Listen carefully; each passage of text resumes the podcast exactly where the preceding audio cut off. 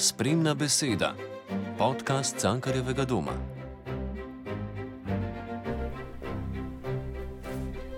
Torej, dragi in drage poslušalke, kot je povedala že vodna špica, tole je podcast Spremna beseda, serija pogovorov v produkciji Cankarjevega doma. Gost tokratne edicije je basist in kontrabasist Još Lampret, Još Lampret, njegov izpraševalec pa bom že Zorman. In prilika, no, Jazz Festival Ljubljana, kjer bo 29. julija Jošt nastopil z bendom PJs. In začniva Jošt s to debato, kar čisto pri koncu. Um, kako bi opredelil muziko, ki jo igrate, oziroma ki jo boste PJs igrali čez cirka mesec dni na festivalu? Um, prvič, hvala za povabilo. Uh, kako bi, mislim, najlažje je mogoče opredeliti kot uh, fusion. Uh, oziroma, se pravi, ja, pač neka mešanica različnih glasbenih stilov, mogoče na neki prvi fronti je to seveda jazz in rock, funk in tako naprej. V bistvu je pa kar neka paleta vseh različnih zvrsti muzike, ki smo jih ki je poslušal vsak izmed nas posebej, pa potem tudi kot skupina, ki smo jih skupaj poslušali in se je pač razvil v nek naš, upam temu reči, sound in način, kako igramo. Mm, in trenutno igrate na zelo ambiciozen način, namreč bend je v svoji orkestrski fazi Tako. in definitivno eh, precej bolj monstruozna zadeva kot kakšen regularen jazz ali rock, dobri stari trio. Ja, mislim, uh, že tako iz samega začetka nas je kar, v bistvu že kar velik, glede na današnje standarde. Nas je v, v, v zasedbi sedem, oziroma mogoče kdaj je osem, če se nam še kdo pridruži. Uh, Ampak ja, nekako je tudi z moje strani bilo tako, da sem hotel ta drugi album narediti malo bolj poseben kot prvi in se v bistvu lotiti mečka bolj posebnega projekta. Tako da, glede na to, da sem godalec, sem bolj mi je bila pač rešitev tako jasna. Rabimo godalni kvartet, plus pri treh skladbah še kontrabas. Um, pa je- kako je bil izziv, da si vključil godalni kvartet v to vrstno zasedbo, sicer ne, da ne obstajajo precedensi, pa vendarle je verjetno to bilo precej drugačen skladateljski, um, skladateljski moment. In tudi še dodamo, da je Jošt um, glavni skladatelj v zasedbi, ki je tudi napisal vse komade, ampak kakorkoli že, ja, ka, na kakšen način uh, je ta implementacija eh, godalnega segmenta izgledala. Mislim, zdaj, če bi, da bi šel na začetek, pa v bistvu prvi album smo naredili a, vse po posluhu. Se pravi, meni so se neke temice, neke, neke vzorci so se mi pel po glavi, sem jih potem posnel na svoj telefon. V ta voice recording, in potem smo se skupaj to na vajah učili in počasi nalagali uh, stvari skupaj, delali aranžmaje in tako naprej. Kot da bi recimo imel skladbe narejene tam nekje do 70-80% in pa smo vse ostalo skupaj. Zdaj tukaj je bilo pa tako, da je v bistvu uh, sem hotel malo tudi sebe pritisniti, um, ker pač glede na to, da sem se ukvarjal, oziroma se ukvarjam večino življenja primarno s klasično glasbo, sem večino časa, se večino časa posvečam po ustvarjanju nečesa, kar je že uh, napisano in v bistvu iskati nek drug način, kako to izvesti, ali pa mogoče bolj zanimivo, ali pa samo kako bi meni to dobro zvenelo. In na akademiji in na srednji šoli nisem veliko časa posvečal učenju harmonije, solfeđa in tako naprej. Sem probil čez te predmete vedno iti najlažje, čez kar se le da. Uh, zdaj je bilo pa tako, da v bistvu zaključujem tudi na akademiji in sem si hotel tudi malo za izziv, da sem rekel, pa, da vidimo, če lahko. Ne. Um, sem hotel tudi na koncu iz tega narediti svojo magistrsko nalogo, ki se sicer pa ni šlo, ker so neke drugačne direktive na univerzi, kaj magistrska naloga mora biti. Um, in na akademiji za glasbo to ne more biti umetniški izdelek, ampak kaj drugega, žal. Ampak ja, vseeno je bil, mislim, ja, v bistvu je bil samo nek preizkus za me, can I do it, ta, ta varianta in poklicati v zasedbo tudi ljudi, ki jim zaupam, ki jih mm, sem zelo rad poslušam, zelo rad igram z njimi in pač narediti en tak mal, uh, malo razširjeno družino. V bistvu v um, godalnem, uh, godalni ekipi so glasbeniki, ki, s katerimi si, si predstavljam, sodeloval že kar morda desetletje nazaj, ko si sodeloval v simboličnem orkestru, ki ga je, se mi zdi, vodil. Bojan Cutrežnik. Tako je. Ja. In uh, to, kar nekako pomeni, da si v bistvu sporedno že z KGB-jem in pozneje akademijo, si vse nekako v tako zvani popularni glasbi um, uh, deloval. Pa me zanima, na kakšen način um, si pa sam pri sebi potem. Um, artikuliral uh, recimo, te zaveze, ki, ki ima človek do, do, polustvar, do polustvarjalne prakse, pa do prakse, ki je recimo, morda bolj odprta za improvizacijo, pa za nek, več um, rekel, ar, avtorske artikulacije. Um, mislim, se nekako, če prav razumem, je v bistvu bila premen skozi že odkar sem se začel ukvarjati uh, z glasbo in tudi pa na srednji šoli in tako sem vedno um, iskal neke take uh, opcije, kako bi lahko igral še drugo glasbo. In to pač pri simboličnem orkestru je bila večinoma etno glasba. Isto super zasedbo, v kateri sem se marsikaj navadil in marsikoga spoznal, ki mi je dal kaj uh, zamisliti. In ja, um, ne vem. Tako je, drugače, ko, no, se mi zdi, da je neka povsem zdrava, zdrav pubertetniški odnos, uh, recimo v času, ko ga bolajo, je um, zelo izrazito zavračanje avtoritet in kako ta, ta, ta, ta, ta pristop, ta mentaliteta lahko sobiva z tem zelo impozantnim kanonom klasične glasbe. Hmm, mislim, jaz mislim, da se tudi klasično glasbo doskrat mogoče dojema preveč um, v tem smislu, da je to nek, uh, neka zaprta škatla, v kateri je vse pogruntano, vse se ve, kaj je tam noter. Mislim, najboljši in meni najljubši glasbeniki, ki igrajo klasično glasbo, so glih tisti, ki ponovadi zavračajo vse te neke smerice, oziroma se zavedajo neke. Nek, nekega principa tradicije in kako naj bi skladatelj v določenem obdobju želel, da stvari zvenijo, ampak v končni fazi tega ne moramo vedeti. Še posebej, če gremo uh, stvari od skladateljev, ki so že mrtvi. Tako da nekako. Je pa, to odprto. Ko igraš, recimo, Baha, ga igraš tako, kot si ti, ko ti igraš, kot si ti predstavljaš, da bi moral zveneti njega dni, ali tako, kot se ti zdi, da bi ga je vredno interpretirati danes, da sploh lahko na ta način stvari artikulira človek. Ja, mislim, obstajajo neke, kako bi rekel, neke univerzalne resnice, če bi lahko temu tako rekel, kako naj bi stvari zvenele in kako naj bi se igralo v tistem času. In spet ne vemo, ker posnetkov ni, so pa pač neki namigi v notah in kako pač se tudi potem sklepa iz tega, kako je pač glasba, klasična glasba se razvila, napredvala do današnjega časa, nekako vse to daje nek namik, kako naj bi to zvenelo.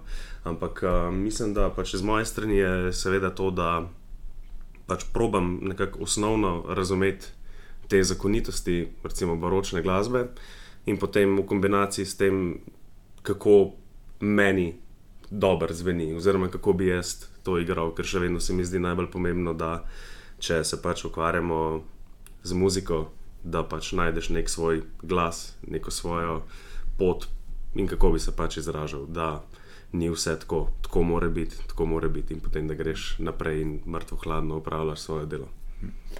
Um, pa se ti zdi, da lahko se od tu dalje še naprej usporedno raz, razvijaš na visokem nivoju, tako kot pa ustvarjalni glasbenik, kot tudi avtor na področju tako zvane spet popularne muzike.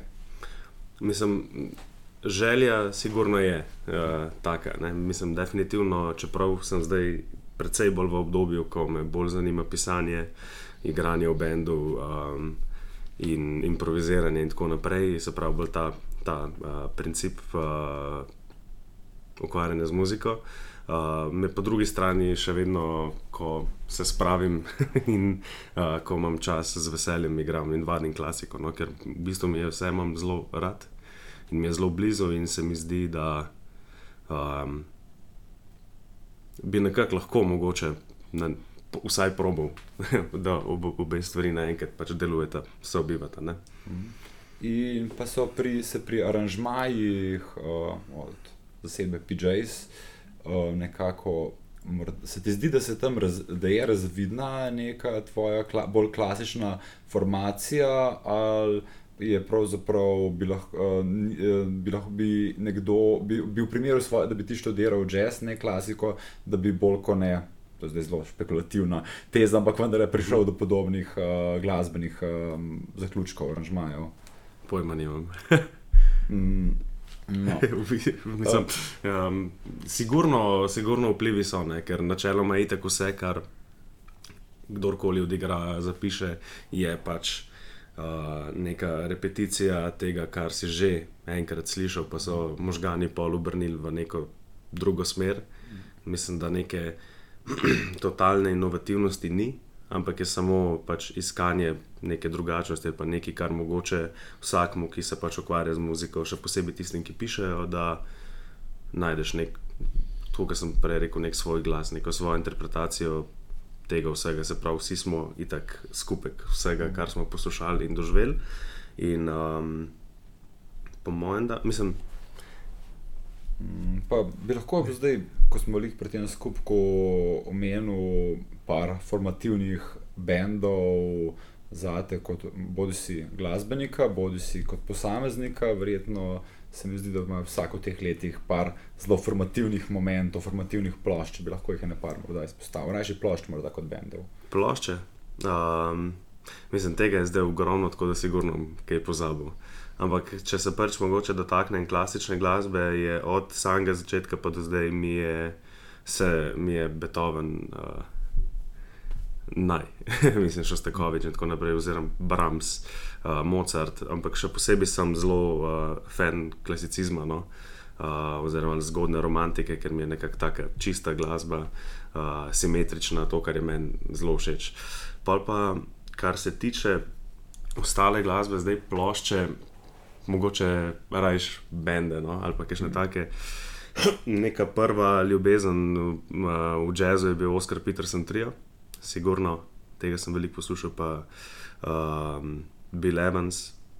Pole šlo pa predtem, so bili še, veda, še rock bandy in Pink Floyd, Allman Brothers, uh, Santana, Fish, uh, ogromna enega metala, uh, tukaj bi izpostavil Pantero.